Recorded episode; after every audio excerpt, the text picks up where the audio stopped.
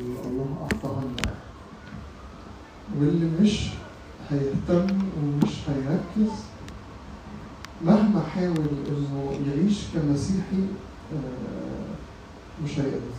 وهيفضل دايما متعسر وبيقع. النهارده نتكلم عن الروح القدس. هو غاية تطبيق الخلاص اللي صنعه السيد المسيح. لا سيبوا الساوند زي ما هو محدش يغير. لا لا بس آه محدش يعلي غيراتي أنا هتحكم بيقعدوا يعلوا وبيصفر ومبقاش عارف اوطي أنا وقت. أنا عارف إن صوتي واطي بس أنا عشان تركزوا معايا. آه، الروح القدس هو غاية تدبير الخلاص. يعني نعرف كده إنه الأفعال الخلاصية اللي أتمها السيد المسيح لأجلنا اولا إنه تجسد واعتمد في الأردن وصلب وقام وصعد إلى السماوات وأرسل لنا الروح القدس. فده تدبير الخلاص وغاية الخلاص كانت إرسال الروح القدس. آه، النهارده آخر مرة عندكم في الاجتماع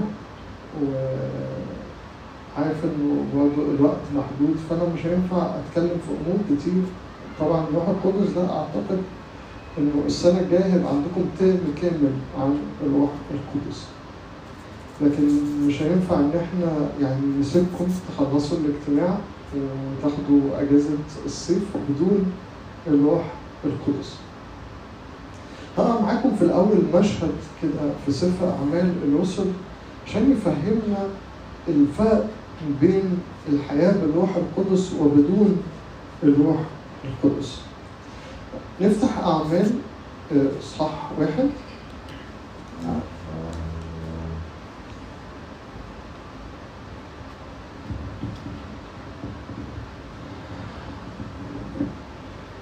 هو العدد واحد كده هقرأ معاكم جزء من الإصحاح.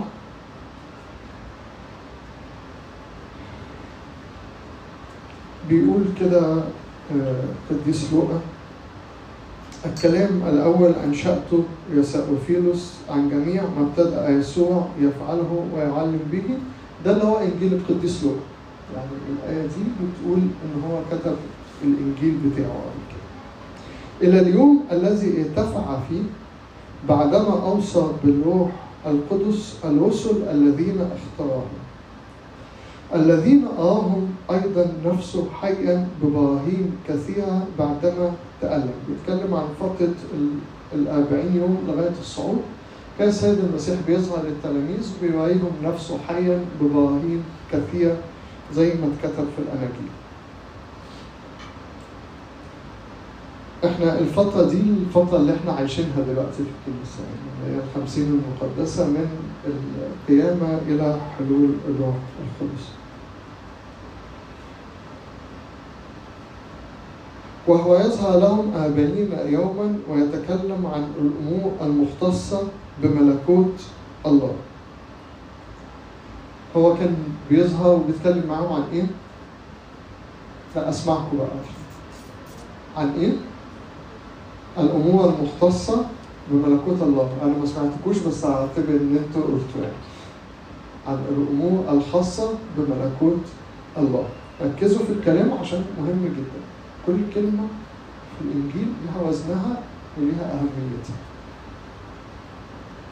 وفيما هو مجتمع معهم أوصاهم ألا يبرحوا من أورشليم بل ينتظروا موعد الآب الذي سمعتموه مني.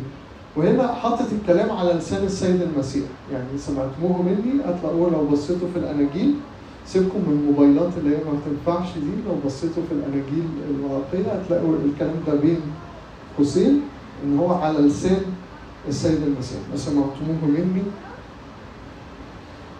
آه، موعد الآب الذي سمعتوه مني. لأن يوحنا عمد بالماء وأما أنتم فستتعمدون بالروح القدس ليس بعد هذه الأيام بكثير. تمام؟ ده كله على لسان السيد المسيح.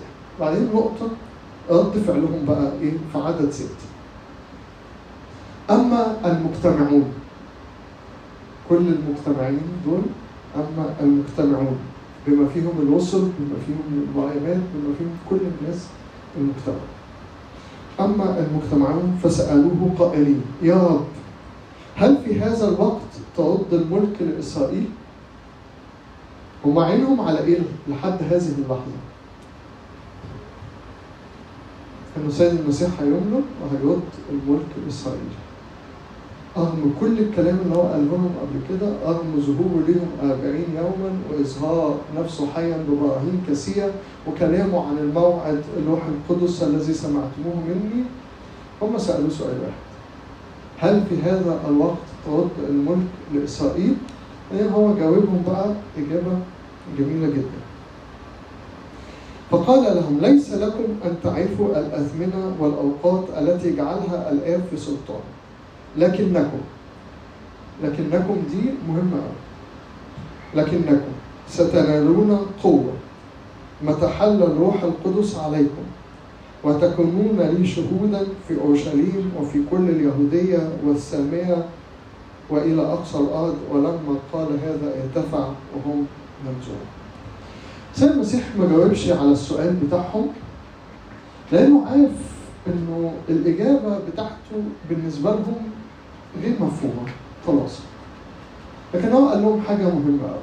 قال لهم إنه إنه لما تنالوا الروح القدس لما تنالوا موعد الآب لما يحل عليكم الروح القدس هتعرفوا كل حاجة.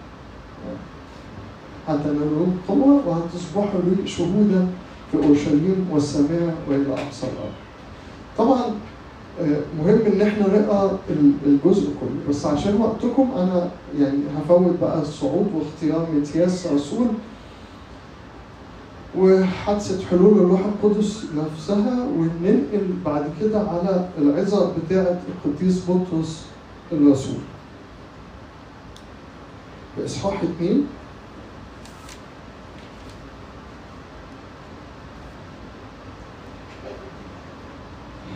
فطبعا الرسول بولس بطرس اتكلم يعني رسالة انه إنه اللي أنتوا شايفينه طبعا لما حل عليهم الروح القدس ابتدوا يتكلموا بألسنة والناس افتكرتهم سكرانين فابتدى يكلمهم عن يسوع اللي هم صلبوه وعن نبوءة يوئيل النبي هتلاقوها في يوئيل اصحاح ثلاثة إنه إزاي إنه الروح القدس هيحل ويتنبأ بنوكم وبناتكم ويرى شيوخكم أحلام. وبعدين بيقول لهم كده.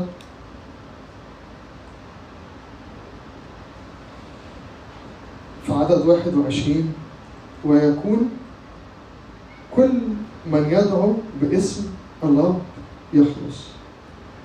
ويكون كل من يدعو باسم الرب يخلص. بعدين يبدأ يكلمهم عن يسوع وعن أحداث الآلام وعن تسليمه وصلبه. وبعدين يقول لهم كده ويتكلم عن المزمور قال الرب لربي زي ما السيد المسيح استخدم نفس المزمور حتى أضع أعدائك موطئا لقدميك. وبعدين نقرأ من عدد 33 كده يقول وإذ ارتفع بيمين الله وأخذ موعد الروح القدس من الآب. سكب هذا الذي أنتم الآن تبصرونه وتسمعونه لأن داود لم يصعد إلى السماوات وهو نفسه يقول قال الرب لربي اجلس عن يميني حتى أضع أعدائك موطئا لقدمي فليعلم يقينا جميع بيت إسرائيل أن أن الله جعل يسوع هذا الذي صلبتموه أنتم ربا ومسيحا. ولما سمعوا هذا نخسوا في قلوبهم وقالوا له ماذا ينبغي أن نفعل؟ قال لهم يعتمد. هل في أي كلام قاله القديس بطرس عن يرد الملك لإسرائيل وعن الكلام ده؟ لكن هو قال لهم إنه يقينا بقى ان يسوع الذي أنتم صلبتموه قد جعله الله ربا ومسيحا. هو ملك. هو ملك بالفعل. هو ملك. لكن مش اللي إحنا كنا فاهمينه قبل ما ننال الروح القدس. ونشوف المشهد بعد كده.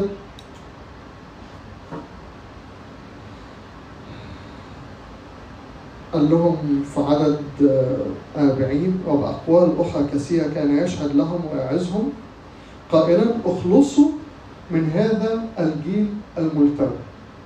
أخلصوا من هذا الجيل الملتوي. يفكركم بحديث السيد المسيح مع التلاميذ في إنجيل يوحنا أنتم لستم من هذا العالم. أخرجوا من هذا الجيل الملتوي. فقبلوا كلامه بفرح واعتمدوا وانضم في ذلك اليوم نحو ثلاثة آلاف نفس. بصوا بقى اللي انضموا دول كانوا بيعملوا إيه؟ وكانوا يواظبون على تعاليم الرسل والشيك وكسر الخبز والصلوات وصار خوف في كل نفس وكانت عجائب وآيات كثيرة تجري على أيدي الرسل وجميع الذين آمنوا كانوا معا وكان عندهم كل شيء مشتركا. والأملاك والمقتنيات كانوا يبيعونها. ويقسمونها بين الجميع. كما كان كما يكون لكل واحد احتياج. وكانوا كل يوم يواظبون في الهيكل بنفس واحدة وإذ هم يكسرون الخبز في البيوت كانوا يتناولون الطعام بابتهاج وبساطة قلب مسبحين الله ولهم نعمة لدى جميع الشعب. وكان الرب كل يوم يضم إلى الكنيسة الذين يخلصون لم تزل كلمة الرب كلمة تحت إيه رأيكم في المشهد؟ هل في أي بقى فكرة عن ملك السيد المسيح الأرضي موجودة في المشهد ده؟ كان الله يؤيدهم بآيات وعجائب كثيرة هل استغلوا الآيات والعجائب دي في تأسيس ملكوت على الأرض؟ لا هنلاقي المشهد معاكس تماما. هنلاقي إن هم كانوا اللي عندهم مقتنيات اللي عندهم أملاك في الأرض بيبيعوها وبيجوا يوزعوها على الناس المحتاجة يضعونها عند أقدام الرسل هم كانت حياتهم عبارة عن إيه؟ كسر الخبز والشركة والصلاة والتسبيح. ولهم نعمة لنا جميع الشعب. وانتفى تماما أي كلام عن تحقيق ملكوت أرضي فهموا. فهموا لما حل الروح القدس عليهم. المشهد بينهم عشرة أيام. يعني ما بين مشهد الصعود اللي التلاميذ سألوه هل في هذا الوقت ترد الملك الإسرائيلي؟ وبين عظة القديس بطرس عشرة أيام. لكن العشرة أيام دول حصل فيهم حدث قلب المشهد تماما. هذا الحدث هو حلول الروح القدس. أو نقرأ إنه في الخمسين يوم اللي كانوا منتظرين دول كانوا في العلية كانوا خايفين كانت الأبواب مغلقة.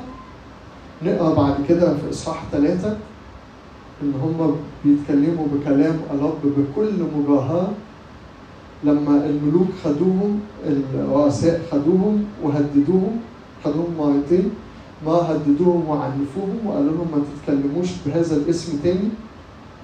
بطرس قال لهم إن إحنا مش ممكن ما نتكلمش باللي إحنا شفناه وسمعناه. تاني مرة خدوهم وجلدوهم وقالوا لهم ما تتكلموش بهذا الاسم تاني. يقول كده فخرج التلاميذ فرحين احسبوا مستأهلين أن يتألموا لأجل اسمه. يعني ما بقوش خايفين من الألم ما بقوش بيستخبوا وقت ما السيد المسيح يجي يتقبض عليه. ما بقاش بطرس يخاف وينكر قدام جاية. لا. كل ده انتهى. انتهى بحلول الروح القدس. كأننا قدام ناس تانيين تماما. ناس تانيين تماما. رغم إنه الفترة الزمنية مفيش بين أحداث الصلب والقيامة وحلول والصعود لحد حلول الروح القدس فترة كلها 53 يوم من أول الجمعة والخميس لحد القيامة ثلاث أيام لحد حلول الروح القدس 50 يوم تانيين لكن المشهد يبدو إن إحنا قدام ناس تانية تماما. عشان كده السيد المسيح لما هم سألوه في هذا الوقت ترد الملك لإسرائيل ما ما اهتمش قوي إن هو يشرح لهم. قال لهم خلوكم في حالكم. زي ما قال القديس بطرس كده لما سأله عن يوحنا قال له وده هيحصل له إيه؟ هيفضل لحد ما يجيك قال له مالكش دعوة بيه. كل واحد خليه في نفسه. لكن كان عينه على إرسال الروح القدس اللي هيغيرهم بعد كده هيبقوا ناس تانيين تماما.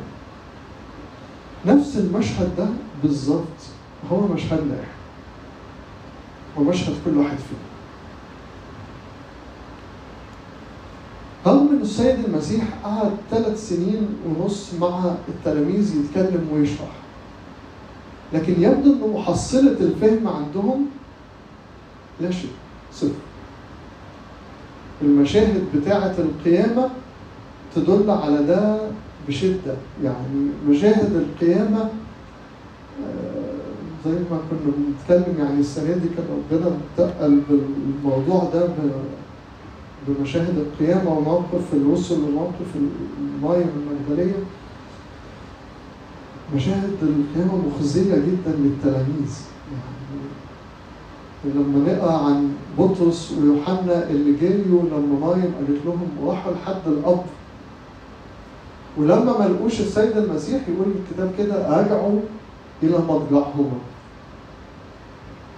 ما كلفوش نفسهم يقعدوا يسألوا طب راح فين؟ طب مين اللي خده؟ يعني المجدلية قعدت وقعدت تسأل وتدور طب مين اللي خده؟ طب مين اللي شاله؟ وسألت السيد المسيح نفسه لما افتكرته البستاني لكن بطرس ويوحنا راحوا وشافوا المشهد ورجعوا الأصعب منهم تلميذي عمواس اللي واحد منهم لقى نفسه اللي كاتب الكلام. كليوباس ها؟ اللي سمعوا خبر القيامة سمعوا خبر القيامة وبعدين مضى عابسين في الطريق وبعدين السيد المسيح لما ظهر لهم يكلمهم كده يقول لهم هو إيه اللي حصل؟ قالوا انت غريب عننا ما تعرفش اللي حصل إنسانا كنا نظن أنه مزمع أن يخلص الصليب. طب يعني أحبطتوا لما اتصلب؟ لا يقولوا له كده. يقول حتى إن بعض النسوة حياننا وقالوا لنا أنه قام من الأموات. يعني النسوة قالوا لكم إنه قام من الأموات وما اهتمتوش تقعدوا تتاكدوا من الخبر مضى عابثين في الطريق ده حال التلاميذ وده حالنا بدون القيام بدون الروح القدس ناخد كيف أبدأ ونتكلم عن عمل السيد المسيح وعن الخليقة الجديدة وعن ملكوت الله وعن مشاعر الله نحونا. لكن نيجي قدام محكات الحياة نلاقي ولا كأننا سمعنا إنه لينا حياة جديدة ولا سمعنا إنه لينا خليقة جديدة. نلاقي نفسنا بنتحارب بالطبيعة القديمة ونلاقي نفسنا مش فاهمين ملكوت الله. وقدام أي تحدي نقع ونعصى إيه اللي حصل؟ الكلام على مستوى الذهن مش بيفرق حاجة. حتى لو كان المتكلم هو السيد المسيح نفسه. بالدليل على كده الرسل حتى لو السيد المسيح نفسه قعد ثلاث سنين ونص يتكلم ويشرح الأمور المختصة به في ملكوت الله المحصلة في الآخر خوف وهروب وإحباط. إيه اللي فاق؟ اللي ولع الشرارة؟ حلول الروح القدس يوم الخمسين بعد حلول الروح القدس التلاميذ اتحولوا تماما تماما كأنهم ناس جديدة كل بقى التعليم اللي خدوه ده ما كانلوش لازمة لا كان ليه لازمة لكنه ما تفعلش غير بحلول الروح القدس يقول لهم بطرس في العظة دي إنه المسيح نفسه قال إن هو هيتألم وقال انه ها فهمت دلوقتي بعد ما قلت له حشاك يا رب أن تصلب وبعد ما جدفت ولعنت قدام الجاية آه فهمت دلوقتي. فهمت كل الكلام وفهمت كلامه عن الامه وفهمت إن هو لازم يتسلب وفهمت إنه لازم يقوم وفهمت إن هو لازم يرد الملك لاسرائيل بس بطريقته هو. لكل من يقبل الدعوة. فهمت كل ده إزاي؟ لما حل الروح القدس لما حل الروح القدس ننقل على أفسس. هقرا معاكم شاهدين في أفسس واحد وفي أفسس ثلاثة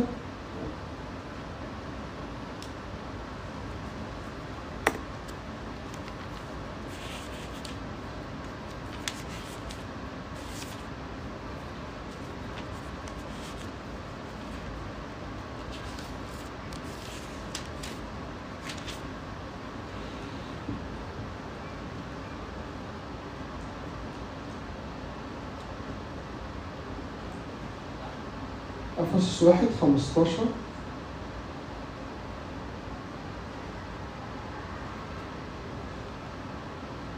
أفسس واحد من ثلاثة ل 14 بولس قعد يشرح أعلى ما يمكن في الفهم المسيحي. يعني ما فيش حاجة مكتوبة في الكتاب ولا في أي كتابات بعمق. القديس بولس شرحه في أفسس واحد من 3 ل 14 قمة المعرفة المسيحية وفكر الله من قبل الأزمنة الأزلية وغاية الله من وجود الإنسان. كأنه شرح كده فكر الله من أول أو من قبل ما يفكر في خلقة الإنسان إلى مجيئه. التاني وإلى الحياة الأبدية مع الله بآيات في منتهى القوة. أفسس واحد من ثلاثة ل 14 لكن في الآخر يبدو الموقف زي موقف الثلاث سنين ونص اللي قعدهم السيد المسيح مع التلاميذ. إنه الكلام ده غير قابل للفهم. غير قابل للفهم بالذهن البشري. هنلاقي القديس بولس وقف الكلام وابتدى يصلي.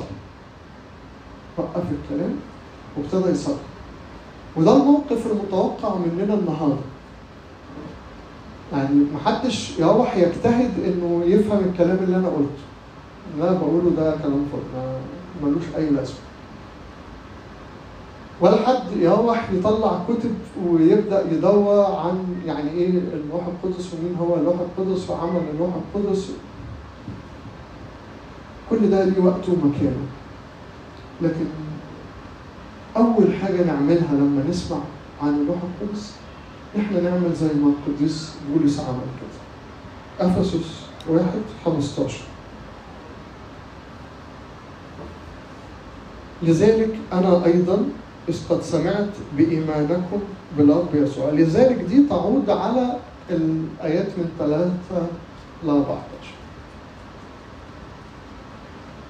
لا أزال شاكرا لأجلكم ذاكرا إياكم في صلواتي. بتصلي ليه يا بولس؟ بتصلي ليه وليه إحنا نصلي لنفسنا ولأجل بعضنا البعض؟ كي يعطيكم إله ربنا يسوع المسيح أبو المجد روح الحكمة والإعلان في معرفته. أن يعطيكم إله ربنا يسوع المسيح أبو المجد. روح الحكمة والإعلان في معرفته. مستنية عيون أذهانكم لتعلموا ما هو رجاء دعوتكم الآية دي مهمة أوي. ليه بتصلي؟ كي يعطيكم إله ربنا يسوع المسيح أبو المجد. مين ده؟ مين ده؟ الآب. الآب. الله الآب. إله ربنا يسوع المسيح أبو المجد كلمة إله دي تضايقنا؟ ما تضايقناش خالص لأنه سيد المسيح لما قال لمريم المجدلية تروح تبشر بالكرازة قال لها كده لأني لم أصعد بعد إلى أبي وأبيكم إلهي وإلهكم. السيد المسيح في التجسد لما أخذ جسدنا وحطنا جواه فاتحد بينا. فادانا من عنده للآب التبني فبقى ينفع نقول أبي وأبيكم زي ما هو أبي هو أبيكم. وأعطانا إن هو يبقى واحد مع الكنيسة إن إحنا نبقى جسده فيقول إلهي وإلهكم.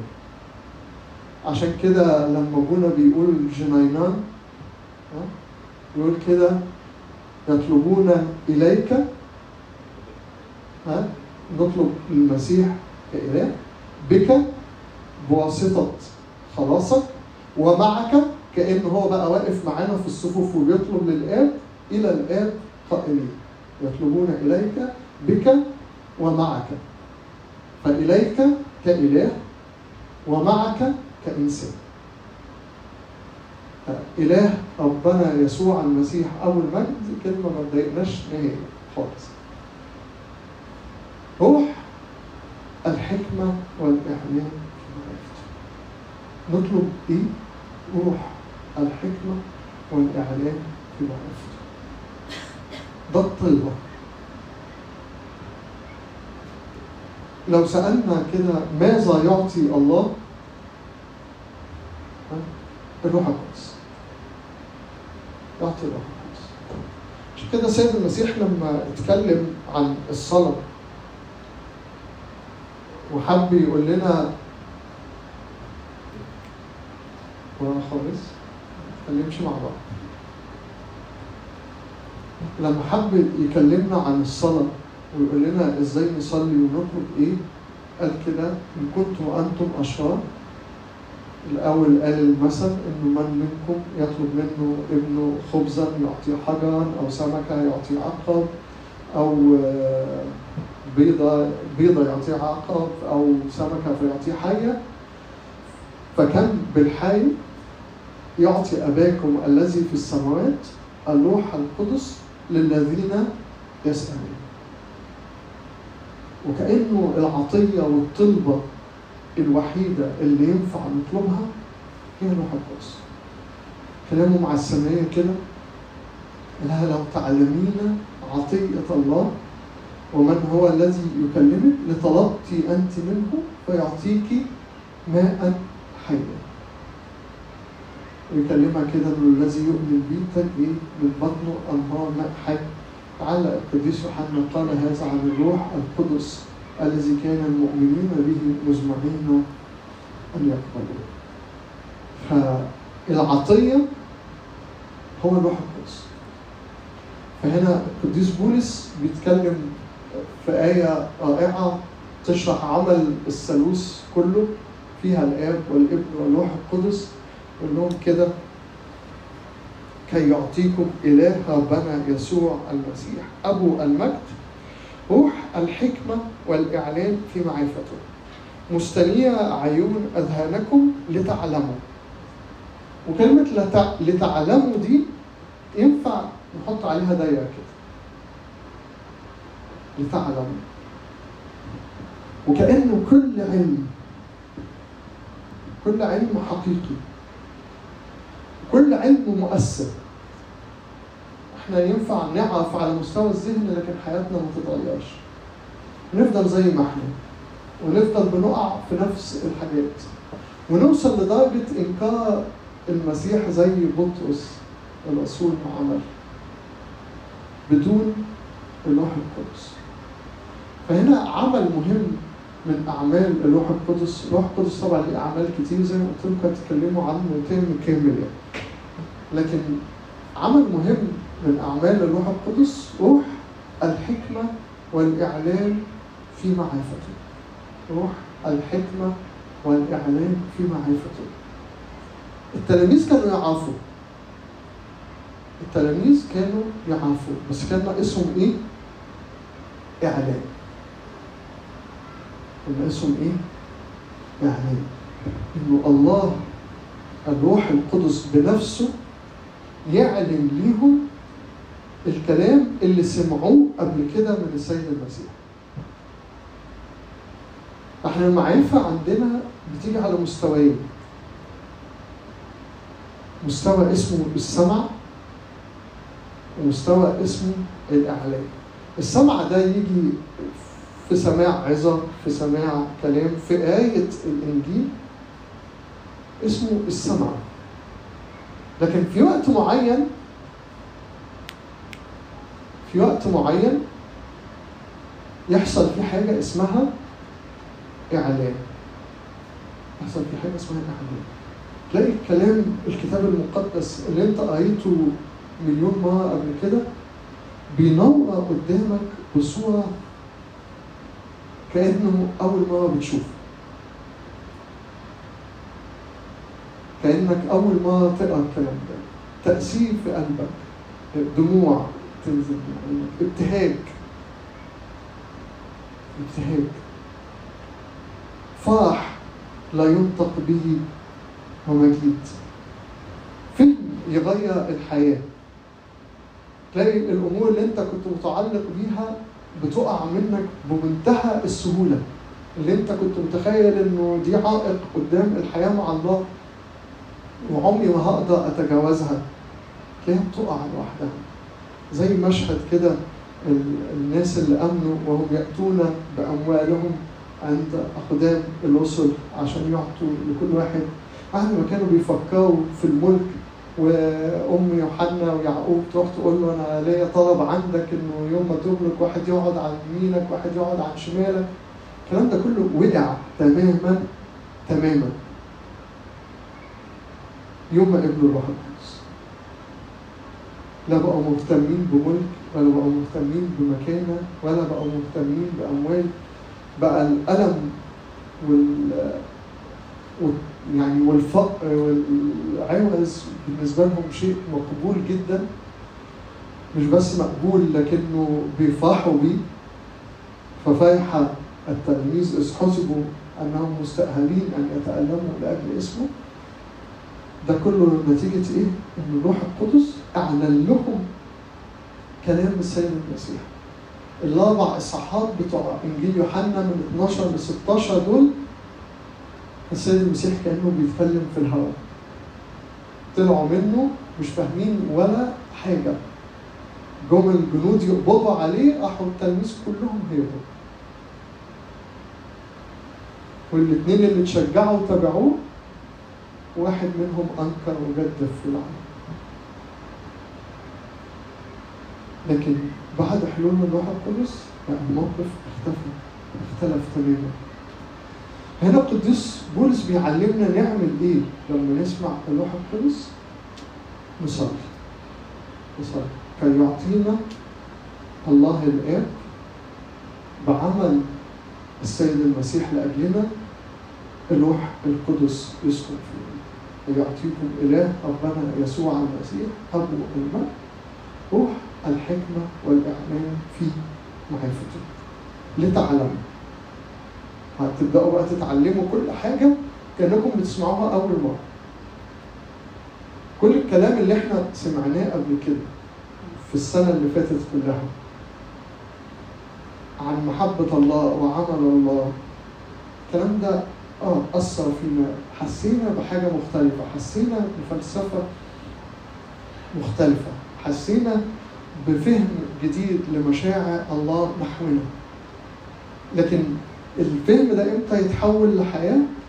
لما الروح القدس يكتبه فينا. إحنا طبعا الروح القدس بالنسبة لنا مش جديد لأننا لله في المعمودية كلنا. إحنا مش مش موعوظين. وإن كنا بناخد تعليم موعظين لكن إحنا مش موعظين إحنا مؤمنين. لأننا اعتمدنا وقبلنا الروح القدس.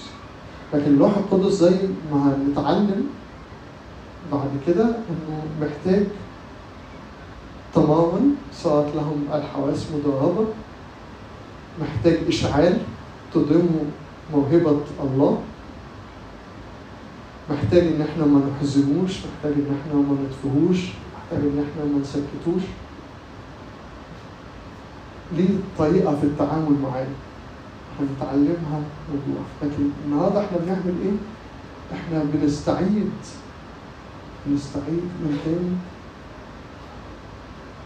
عمل الروح القدس وفكرة إنه الروح القدس موجود مش بس موجود لكن ساكن فينا.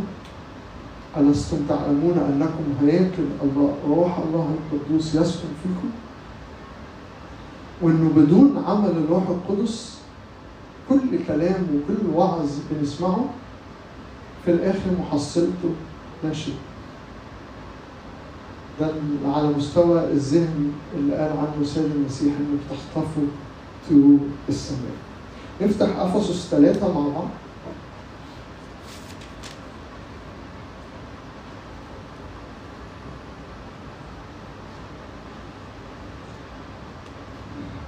افسس ثلاثة عدد 14 نفس الكلام. بس بعد بقى بولس مخلص أول ثلاث إصحاحات في أفسس. المره الاولانيه كان خلص ال ال 12 عدد دول اللي هم من 3 ل 14 المره دي بقى بعد ما خلص الثلاث إصحاحات كلهم اللي شرح فيهم بقى عمل السيد المسيح كله ومجيئه وتناسله الجزء الاولاني كان بيتكلم على أمور أزلية ما حدش اتكلم عنها قبل كده خالص. عن فكر الله من قبل تأسيس العالم وعن غايتنا. بعد كده ابتدى يتكلم بصورة عملية عن عمل السيد المسيح وازاي العمل ده اتنقل للمؤمنين وعن المصالحة وعن الحاجز المتوسط اللي نقده. وبعد ما خلص الثلاث إصحاحات عمل نفس اللي عمله في أفسس راح موقف الكلام وابتدى يصلي. وقف الكلام وابتدى يصلي. يقول كده. بسبب هذا وبسبب هذا برضه زي ما قلنا بتعود على كل اللي فات. بسبب هذا. أحمي ركبتي هنا الصلاة ابتدت بقى تتحول لسجود كمان. صلاة لسجود بسبب هذا أحمي ركبتي لدى أبي ربنا يسوع المسيح. برضه بيطلب من الله الآب. الذي منه تسمى كل عشية وكل عشية يعني كل أبوة. هي باليوناني بالظبط باتيا. باتيا يعني أبوة. في السماوات وعلى الأرض كي يعطيكم العطية زي ما اتفقنا إنه كلمة العطية تساوي الروح القدس أن يعطيكم بحسب غنى مجده طبعا الكلام ده لو قعدنا فيه بقى كلمة كلمة ما بنخلص. أنا لا أنا بالذات يعني بفتح في أفسس ممكن نخلص. الكلام ده لينا بقى ندوقه ندوقه مش نقراه لكن بالروح القدس ندوقه ونشوف مستوى عطية الله. إنه مش بحسب طلبتنا لكن بحسب غناه. غناه ده قد إيه؟ مجده ده قد إيه؟ مقدار العطية قد إيه؟ الكلام ده كله ما ينفعش نسمعه. الكلام ده محتاج إعلان من الروح القدس لينا. الإعلان ده لما نعرفه لما نعرفه يغير حياتنا مش الكلام اللي بيغير حياتنا كي يعطيكم بحسب غنى مجده أن تتأيدوا بالقوة بروحه في الإنسان الباطن. ليحل المسيح بالإيمان في قلوبكم. وأنتم متأصلون ومتأسسون في المحبة حتى تستطيعوا أن تدركوا وبرضه هوقف هنا حتى تستطيعوا أن تدركوا زي بالظبط اللي تعلموا. بدون ده لا نستطيع أن ندرك. لأنه لما هيتكلم عن محبة المسيح هنا يقول وتعرفوا محبة المسيح الفائقة المعرفة يعني تعرفوا محبة المسيح اللي ما ينفعش تتعرف. الفائقة المعرفة الغير قابلة للمعرفة أنتم هتعرفوها. بإيه؟ لما تتأيدوا بالقوة بروحه في الإنسان الباطن. هنا نلاقي حاجة حلوة أوي. إنه الروح القدس لما يجي يجيب معاه الأول ابن على طول. يقول كده تتأيدوا بالقوة بروحه في الإنسان الباطن ليحل المسيح بالإيمان في قلوبكم لما يجي روح القدس هيحصل إيه؟ المسيح هيسكن في قلوبهم يحل المسيح بالإيمان. عشان كده السيد المسيح قبل ما يتكلم عن الروح القدس لما كان بيتكلم في إنجيل يوحنا عن الوصية يقول كده إنه من يحبني؟ يحبه أبي واظهر له ذاتي. وبعدين يقول كده إنه من يحبني ويحفظ وصاياي أو اللي عنده وصاياي ويحفظها هو الذي يحبني والذي يحبني يحبه أبي. وإليه نأتي وعنده نصنع منزلا إليه نأتي وعنده نصنع منزلا ليحل المسيح بالإيمان في قلوبهم عمل الروح القدس في حياتنا هو إنه يدينا سكنة المسيح. متى جاء ذاك فهو يشهد لي. يعلمكم ويزكيكم بكل ما قلته لكم. يخبركم بأمور آتية. عشان كده السيد المسيح قال آية عجيبة جدا. يقول للتلاميذ كده إن خير لكم أن أنطلق. يعني لو أنتوا كل همكم إنكم متمسكين بيا إن أنا ما سيبكوش سيد المسيح يقول لهم كده انه خير لكم أن أنطلق. لأنه لو لم أنطلق إلى الآب لا يأتيكم الروح القدس لأنه بيدي كده أهمية للروح القدس. أهم من وجوده هو نفسه بالجسد. لأن وجود السيد المسيح بالجسد كان محدود. لكن بحلول الروح القدس أصبح وجود السيد المسيح متاح لينا ليحل المسيح بالإيمان في كل كان السيد المسيح موجود بالجسد كان لازم يسافر أورشليم. عشان نروح نسمعه.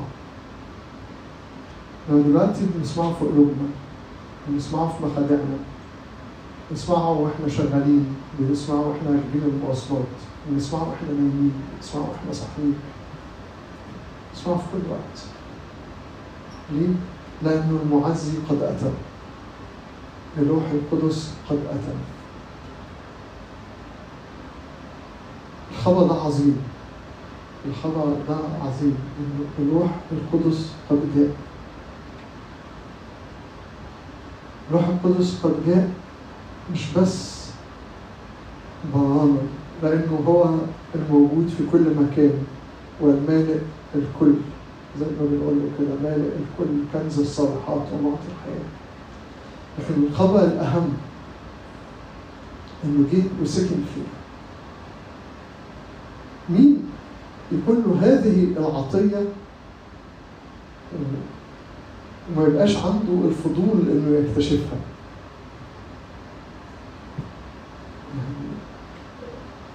حد ادالك كنز قال لك خد الكنز ده تاخد العلبة تركنها في الدولاب وما تكلفش نفسك حتى تفتح تشوف فيه جوه إيه. لنا هذا الكنز في أوان خزفية ليكون فضل القوة لله لا منا الروح القدس هو كنزنا؟ كنز الصالحات. ومعطي الحياة.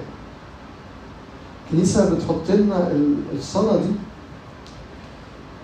أربع مرات في اليوم. اللي هو الملك السماء المعز. في صلاة الساعة الثالثة وفي ثلاث خدمات بتوع نص الليل صلينا بيها في الجمعة العظيمة وابونا قعد يقولها وإحنا نرد ونقول إحنا نرد صلي بيها في صلاة السجدة في يوم الخمسين. والصلاة دي يعني بجانب أبانا الذي وكي ليسون هي صلاة موجودة في جميع الكنائس. يعني عند الكاثوليك موجودة بيصلوها عند أرثوذكس أي طائفة مسيحية ليها تراديشن يعني بتصليها من أول القطع اللي اتحطت في طقس الكنيسة عموما من القرن الأول واضح إن القطع دي كانت بتتصلى. عشان كده امتدت لجميع الكنائس. لو فتحنا خلاجي أو صلوات سواعي بتاعت أي كنيسة الكنيسة نلاقي الصلاة دي أيها الملك السمائي المعز. عاوزين نصليها مش على مستوى الاعتياد وترديد الكلام. لكن نصليها بجد. هلم تفضل وحل فيها؟ كل مرة نكون بنصليها لازم نوقف نفسنا كده. وما تكونش بنقولها على مستوى كلام الفم لكن على مستوى الطلبة اللي طلبها بولس أحني أجبتي لدى أبي ربنا يسوع المسيح.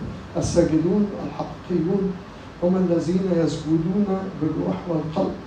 مش لازم أنزل على ركبي. إحنا في الخمسين ما بنعملش بطانيات يعني لكن حتى لو إحنا بره الخمسين أنا ينفع في الشغل احمي ركبي بس ركبي القلبية. الساجدون الحقيقيون هم الذين يسجدون بالروح والحق. وقال له أيها الملك السمائي المعز روح الحق الحاضر في كل مكان والمال الكل. كنز الصالحات ووعد الحياة هلم تفضل. هلم تفضل احب فينا هو الروح القدس مش فينا؟ الروح القدس فينا. لكن الروح القدس فينا إلى فين؟ إلى كل من الله. إلى كل من الله. فمهما أخذنا من الروح القدس ينفع نتملي أكثر. ينفع كل يوم نطلب إن إحنا نمتلئ من الروح القدس. إلى ما لا نهاية. إلى ما لا نهاية كده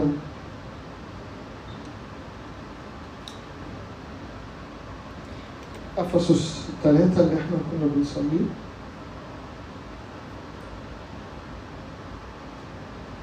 حتى تستطيعوا أن تدركوا في عدد 18 حتى تستطيعوا أن تدركوا مع جميع القديسين هندرك إيه بقى؟ ما هو العرض والطول والعمق والعلو أبعاد واسعة جدا جدا جدا. وتعرفوا محبة المسيح الفائقة المعرفة لكي تمتلئوا إلى كل من الله كي تمتلئوا إلى كل من الله اللي هو غير محدود. فمعنى كده إنه هذا الامتلاء غير محدود. غير محدود. مهما أدركت ومهما عرفت ومهما صليت ومهما اتمليت ومهما فرحت بآية ينفع بكرة أخذ منها أكثر. بعد أخذ منها أكثر. بعد أخذ منها أكثر. إلى ما لا نهاية؟ أي تمتلئ إلى كل من الله. يقول كده والقادر أن يفعل فوق كل شيء. كلمة تفكرنا بكلمة أنبا أنطونيوس في العظة التامة.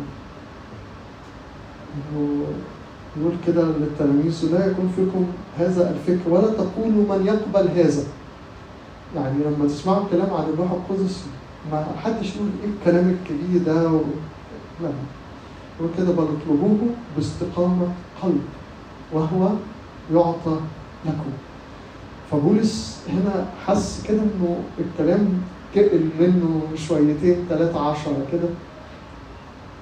فراح محول على الله والقادر أن يفعل فوق كل شيء أكثر جدا مما نطلب أو نفتكر بحسب إيه؟ حسب إيه؟ حسب إيه؟ لما نطلب الروح القدس ما نطلبش بالشح ما نطلبش على قدنا إحنا حسب غناه في المجد له المجد في الكنيسة في المسيح يسوع إلى جميع أجيال ظهر الروح القدس هو أهم ما في الحياة. هو الحياة. هو الحياة. هو الروح القدس الرب المحيي. يعني كتابين كبار بتوع أبونا متى عن الروح القدس؟ سميهم كده الروح القدس الرب المحيي. الروح القدس هو الحياة مش هو أهم ما في الحياة هو الحياة نفسها طبعا الكلام كتير بس أنا مش عارف أنتوا الساعة 2 الاجتماع التاني جاي صح؟ هقرأ معاكم شاهد صغير خالص؟ أختم بيه وبعدين آه، سيبكم تصلوا لأنه في الآخر الصلاة هي الأهم. يعني كل الكلام اللي أنا بقوله ده كلام. داود قال كده اما هو فكلام هو في الآخر كلام إلى أن يعلن لينا بروح القدس. شاهد أخير نفتحه في روميا 8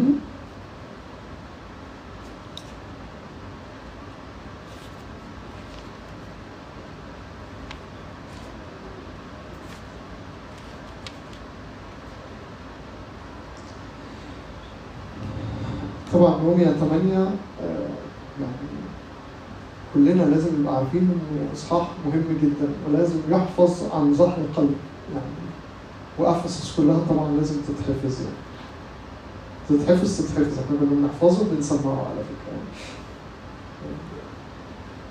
يعني. روميا 8 إصحاح مهم جدا أهم ما في روميا 8 طبعا مليان يعني أي آية إحنا حافظينها وبنحبها 90% هتطلع 8 يعني لو حد قال لك إيه مثلا قال لك الشاهد بتاعها فين قول روميا 8 وغالبا هتطلع صح يعني. آه، بس بغض النظر عن الآيات الكتير الحلوة قوي في روميا 8 اللي إحنا حافظينها وبنفرح بيها قوي لكن الجزء عن السلوك بالروح في روميا 8 جزء مهم جدا. وكلام القديس بولس فيه حاسم جدا. لأنه ما بيديش فرصة لحاجة اسمها حياة مسيحية بدون الروح القدس. بيحسم الموضوع بشدة. فإحنا عاوزين النهارده نحسمه معاه بشدة. إنه ما ينفعش يبقى اسمي مسيحي، ما ينفعش يبقى اسمي ابن الله وأنا مش بتعامل مع الروح القدس. مش عاوز أستخدم كلمات زي وأنا مش منقاد بالروح القدس دلوقتي لكن على الأقل وأنا مش بتعامل مع الروح القدس. في روميا 8 هنقرأ آيات.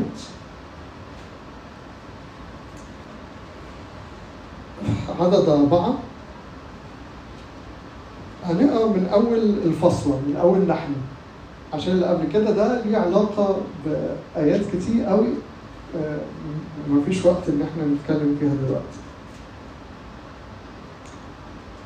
نحن السالكين ليس حسب الجسد بل حسب الروح. فإن الذين هم حسب الجسد فبما للجسد يهتمون. ولكن الذين حسب الروح فبما للروح. لأن اهتمام الجسد هو موت ولكن اهتمام الروح هو حياة وسلام. هنا هقف على سنة صغيرة. إنه كلمة اهتمام دي كلمة مهمة قوي حتى لو أنا في مجال مسيحي وحتى لو أنا في اجتماع زي اجتماع كيف أبدأ أو كيف اسبق أو في إعداد خدام أو بخدم بدون الروح القدس يظل الاهتمام هو اهتمام الجسد. وحتى علاقتي بالله تدخل تحت تايتل اهتمام الجسد. يا رب هتعمل إيه في الأزمة الاقتصادية؟ يا رب هتعديني من المشكلة دي إزاي؟ يا رب هجيب فلوس إزاي؟ يا رب هتجوز إزاي؟ يا رب هشتغل فين؟ يا رب أسافر ولا ما اسافرش ويفضل كأنه الله نفسه ك title كبير إحنا خدناه من مكانه وحطيناه تحت title اسمه اهتمام الجسد. فاهتمام الجسد دي في بذاكر وبشتغل وبجتهد وبطلب من الله طلبات وكأنه sub point تحت title مهم اسمه اهتمام الجسد. لكن الذين هم حسب الروح فبما للروح يهتمون. يا رب انت عاوز إيه؟ يا رب إزاي ملكوتك ينمو؟ يا رب إزاي أجيب لك الناس اللي حواليا؟ يا رب إزاي اكون شاهد عنك في الشغل؟ إزاي الناس يشوفوك فيا في كل مكان؟ ده اهتمام الروح. فالذين هم حسب الجسد فبما للجسد يهتمون حتى لو كانوا جوه الكنيسه أما الذين هم حسب الروح فبما للروح يهتمون حتى لو كانوا في السعودية زمان. يعني يعني لينا زمايلنا زمان في التسعينات واوائل الألفينات وكده سافروا السعودية ما كانش بقى فيها لا كنيسه ولا وكان ممنوع الإنجيل يدخل. بس بما للروح يهتمون الله معاهم. والروح القدس ساكن فيهم ما محتاجين مكان. لكن أنتم هيكل الله روح الله القدوس ساكن فيكم. هم اللي بيحملوا الحضور الإلهي في المكان اللي هم يروحوه مش هم رايحين يدوروا على الحضور الإلهي في أي مكان. فأنت أنت أنت شخصيا بقيت هيكل الله. أنت تحمل حضور الله في المكان اللي أنت تروحه مش تروح تدور على حتة أنا عاوز حتة ألاقي فيها ربنا. لا ده أنت اللي الناس تلاقي فيك ربنا. يعني أنت مطالب إن أنت تروح في كل مكان عشان الناس تلاقي ربنا فيك. فأنت بقيت شخص مختلف. أنت كيان روحي. هيكل الله. هنقرأ من عدد أربعة تاني كده. نحن السالكين ليس حسب الجسد بل حسب الروح. فإن الذين هم حسب الجسد فبما للجسد يهتمون. ولكن الذين حسب الروح فبما للروح يهتمون. لأن اهتمام الجسد هو موت. مهما اتعمل محصلته في الآخر موت. بما فيه من صلوات وأصوام وكل حاجة. في الآخر هيموت مع الجسد. ولكن اهتمام الروح هو حياة وسلام. لأن اهتمام الجسد هو عداوة لله إذ ليس هو خاضعا لناموس الله لأنه أيضا لا يستطيع. فإن الذين هم في الجسد لا يستطيعون أن يرضوا الله. أنا مش هشرح بس يعني بصلي إن ربنا يديكم فهم. كل الشواهد اللي أنا فتحتها النهاردة دي أنتم مطالبين طبعا أنتم معاكم أجازة طويلة ترجعوا تقروها وتصلوا بيها تقعدوا بيها قدام ربنا وتطلبوا من الروح القدس إن هو يفهمكم ويشرح لكم تاني وينور قدامكم. يعني إيه الذين هم في الجسد لا يستطيعون أن يرضوا الله؟ يعني إيه اهتمام الجسد وعداوة لله يعني إيه اللي في الجسد لا يستطيع أن يرضي الله نفسه؟ ويقول في كورنثوس الأولى اثنين إنه إنه الذين في الجسد لا يقبلون ما روح الله. قصة كبيرة ومهمة. يعني. أما أنتم فلستم أما أنتم ده كلكم بقى. كلكم عشان ما حدش يروح النهارده مكشر وزعلان ويقول ده أنا طلعت في الجسد. لا. إحنا كلنا في الروح لكن محتاجين نفعله. الكنز اللي إحنا خدناه يوم ما اتعمدنا وحطيناه في الدولاب وقفلنا عليه بالمفتاح ده محتاجين نروح نفتح المفتاح ونطلع الكنز ونقول له يا أنا كنت ناسي إن أنت عندي في الدولاب. أنا عاوز أعرفك بقى وأفتح وأتمتع وأشوف الجمال وأخد البركات وأخد كل غنى وكل مجد وكل كرامة وكل فهم روحي وكل قوة وكل سلطان. كل ده مخبأ فيه جميع كنوز الحكمة والمعرفة. أما أنتم فلستم في الجسد بل في الروح إن كان روح الله وإن هنا إن كان مش آه مش يعني مش اللي هي تحمل آه أو لا. إن كان ممكن نترجمها بما أن. أما أنتم فلستم في الجسد بل في الروح بما أن. الروح الساكن فيكم. ولكن إن كان أحد ليس له روح المسيح دول ناس تانية خالص فذلك ليس له ملوش بقى المسيح وملوش كل الكلام اللي فات. وإن كان المسيح فيكم أو بما أن المسيح فيكم فالجسد ميت بسبب الخطية أما الحياة فروح أما الروح فحياة بسبب البر. إن كان الروح الذي أقام يسوع من الأموات ساكنا فيكم إحنا بنحتفل بالقيامة مهمة قوي الآيات دي. كان الروح الذي أقام يسوع من الأموات ساكنا فيكم. فالذي أقام المسيح من الأموات سيحيي أجسادكم المائتة أيضا بروحه الساكن فيكم. ده عمل الامتلاء اليومي من روح الله. عمل الامتلاء اليومي من روح الله. يموت اللي حسب الجسد ويحيي اللي حسب الروح. إلى فين؟ إلى أن نمتلئ إلى كل ملء الله. فده العمل اليومي اللي الروح القدس بيعمله وهنفهم حالا سيحيي أجسادكم المائتة روح السكن. فإذا أيها الإخوة نحن مديونون ليس للجسد لنعيش حسب الجسد لأنه إن عشتم حسب الجسد فستموتون ولكن إن كنتم بالروح ولكن إن كنتم بالروح تميتون أعمال الجسد فستحيون عمل الروح القدس اليوم إيه؟ إماتة أعمال الجسد. إماتة أعمال الجسد. إن كان إنساننا الخارج يفنى فالداخل يتجدد يوما فيوم فعمل الإماتة ده طلع إنه مش عمل أنا بعمله. مش هينفع أقول إن أنا النهارده هكره الخطيه، أنا النهارده مش ههتم بالفلوس، أنا النهارده مش ههتم بالعمل. لا. أنا كل عملي اني ألتصق بالروح القدس.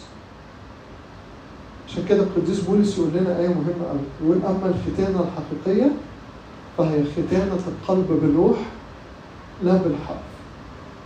لا ده أنا طلعت إن أنا عمال أفشل إن أنا أبطل خطية وأفشل إن أنا أسيب كذا وأفشل إن أنا أكيد أسيب كذا عشان كنت متخيل إن أنا اللي بموت أعمال الجسد.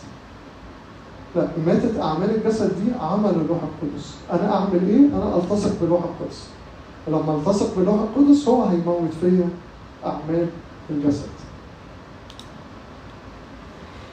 لأنه إن عشتم حسب الجسد فستموتون ولكن إن كنتم بالروح تموتون أعمال الجسد فستحيون لأن كل الذين ينقضون بروح الله فأولئك هم أبناء الله آية 14 دي بقى هنروح نعمل إيه؟ اكتبوها على أي حاجة عندكم. يعني كل كشاكيل المحاضرات على السرير وماما هتزعق وتتخانق مش مشكلة بس نكتبها على الحيطة نكتبها على الباب تدخل المطبخ هتلاقيها مكتوبة فوق البوتاجاز هتلاقوها على الثلاجة الذين ينقضون بروح الله أولئك هم أبناء الله ومن لا ينقض بروح الله فهو ليس ابن الله. حدر أبدأ بقى حدر أثبت خدم عمل سلم جسده حتى يحترق. كده في ناس هتروح للمسيح تقول له أليس باسمك صنعنا قوات باسمك أخرجنا شياطين لهم ابعدوا عني. إني لم أحلفكم لم أحلفكم. بدون الروح القدس اللي بيه يحل المسيح بالإيمان في قلوبهم لا توجد معرفة لله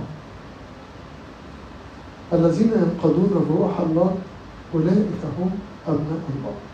الآية دي يعني أنا قريت كل اللي قريته ده في رومية 8 وأنا عارف إن في حاجات كتيرة محتاجة شرح. بس حبيت أوصل للآية دي. كل الذين ينقضون بروح الله فأولئك هم أبناء الله. نكمل آيات مبهجة بعد ما خلصنا ونقول المجد لله. إذ لم تأخذوا روح العبودية أيضا للخوف بل أخذتم فاكرين إن كان إن كان مش استنكارية إن كان بما أن أنتم أخذتم وبولس برضه استخدم نفس الإثبات ده أما أنتم فلستم في الجسد بل في الروح. أي حد يتخيل كده إن هو لسه في الجسد يحط الآية دي قدامه. أما أنتم فلستم في الجسد بل في الروح. هنا يقول كده بل أخذتم روح التبني الذي به نصرخ يا أبا الآب. من غير الروح القدس أصلا ما ينفعش نقول أبانا الذي في السماوات. يعني لا نملك إن إحنا نقول ابسط صلاة اللي كلنا حافظينها منذ نعومه أظافرنا بدون الروح القدس. لا يستطيع أحد أن يقول أن المسيح رب إلا بالروح القدس. روح التبني الذي به نصرخ يا ابا الاب الروح نفسه يشهد لأرواحنا أننا أولاد الله. موضوع الشهادة موضوع كبير جدا يعني. بس مهم جدا إن الروح يشهد لأرواحنا أننا أولاد الله. لاننا هنلاقي حاجات كتير قوي في العالم ممكن الناس تاخد كلامي النهارده إن إحنا مش أولاد الله. ممكن وعظ نفهمه إن إحنا مش أولاد الله. ممكن مواقف وخطايا نقع فيها في العالم تقول إن إحنا مش أولاد الله. ممكن يأسنا من نفسنا يقول إن إحنا مش أولاد الله. ممكن فهمنا الغلط لبعض الآيات الكتابية يقول اننا مش أولاد الله. حاجة اللي بتقول إننا أولاد الله وتشهد وتؤكد لأرواحنا إننا أولاد الله هو الروح القدس. ولما الروح نفسه لما الروح نفسه الروح نفسه ده أقنوم الروح القدس أحد الثالوث اللي هو الله نفسه. لما الله نفسه يشهد لأرواحنا إننا أولاد الله تنتفي أمامه كل شهادة حتى لو كانت العيان اللي إحنا فيه. لو أنا في كوت الخنازير وبشتهي طعام الخنازير وعايش وأنفقت عيشتي مع الزواج وبعمل كل يوم مليون خطية مش خطية واحدة والروح القدس يشهد لأرواحنا إننا أولاد الله تبقى شهادة الروح القدس وينتفي الواقع كله. فأوعى تقبل في يوم كلام يقول إن أنت مش ابن الله. اللي يخلي الكلام ده يلح عليك ويوقعك ويحبطك إن الروح القدس مش شغال فيك عشان كده مهم إن الروح القدس يشتغل فيك عشان يثبتنا طبعا رسالة يوحنا الأولى بتتكلم كتير عن الشهادة. كلمة الشهادة نفسها ليها وزن كبير قوي في رسالة القدس يوحنا الرسول الأولى. قول كده الروح نفسه يشهد لأرواحنا أننا أولاد الله. فإن كنا بما أننا فإن كنا بما أننا. أولاد فإننا ورثة أيضا. ورثة الله وارثون مع المسيح. إن كنا نتألم معه لكي نتمجد أيضا معه المجد لله دائما أبدا صلي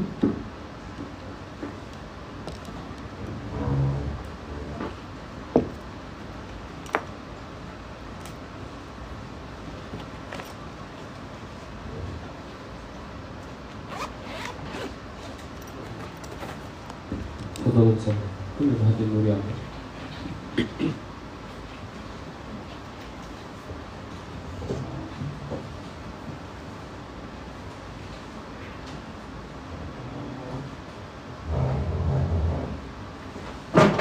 خلينا كده في آخر آه، وقفة لينا السنة دي.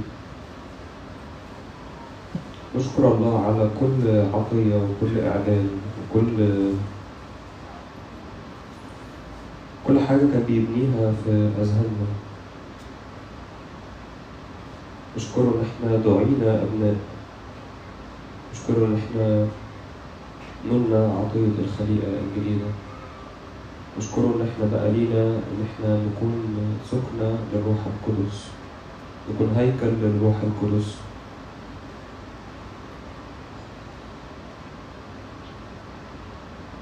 خلينا نقدم له شكر كده على كل كل حاجة فرقت معاك في خلال السنة دي.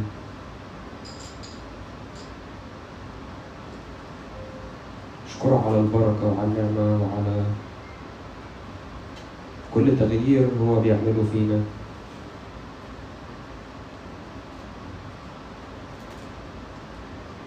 نشكره إنه مصر إنه يعمل فينا حاجة حلوة إنه يغيرنا.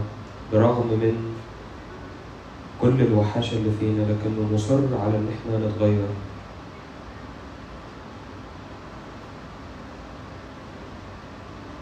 نطلب منه كده إنه في الوقت اللي جاي ده نتعلم إن إحنا يكون لينا حديث مع الروح القدس وإنه يكون لينا صديق ورفيق في الطريق.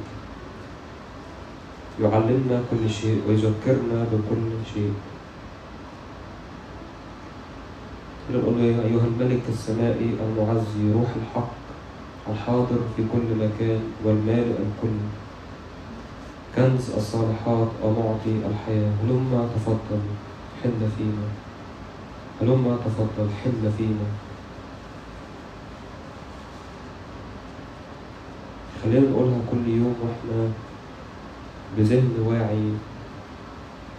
طالبين إنه هو يقودنا في مسيرتنا في الحياة. أولاد الله هم المنقذين بروح الله. يا رب أنا مش عايز أعيش زي ما كنت عايش قبل كده لكن عايز أحيا حياة جديدة في الروح. الروح هو الذي يقودنا. يقود مسيرة تغيير حياتي. تشكيلي من مجد لمجد إلى تلك الصورة عينها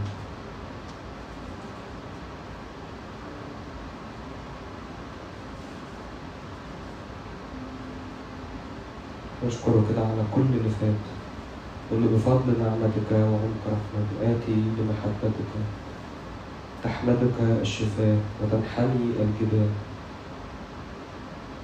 نحمدك ونشكرك يا رب على عملك وعلى عطاياك وعلى غناك يا رب.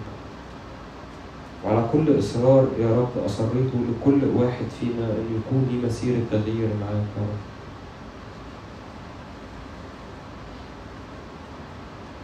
بفضل نعمتك.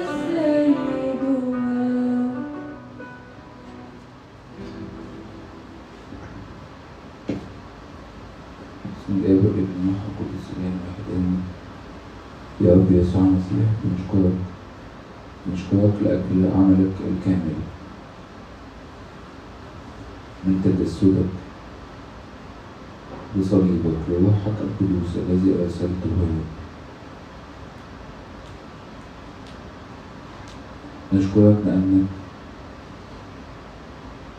مقرر إنك ما تسيبناش في هذه الرحلة لوحدنا لكن تكون لنا صديق أرزق من الآخر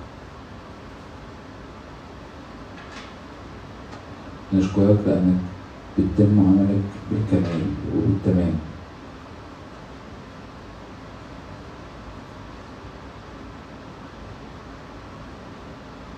نشكرك لأجل روحك القدوس.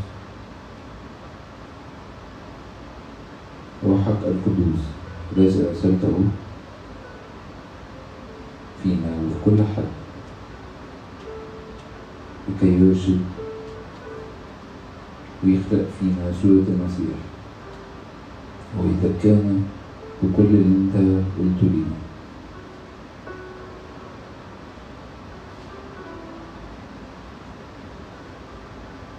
نشكرك لأجل روحك القدوس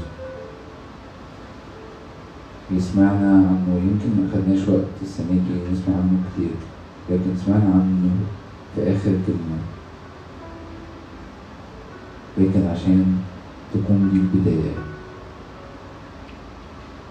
لأن الحياة معاك ملهاش نهاية. يمكن ليها لحظة بنتغير ونبص ناحيتك لكن ملهاش نهاية. تبدأ في وقت في وقت من الزمن لكن ملهاش نهاية. نشكرك لأجل روحك القدوس اللي فيه بنجد كل ما عمله المسيح لنا كل ما عمله كل ما أراده الآب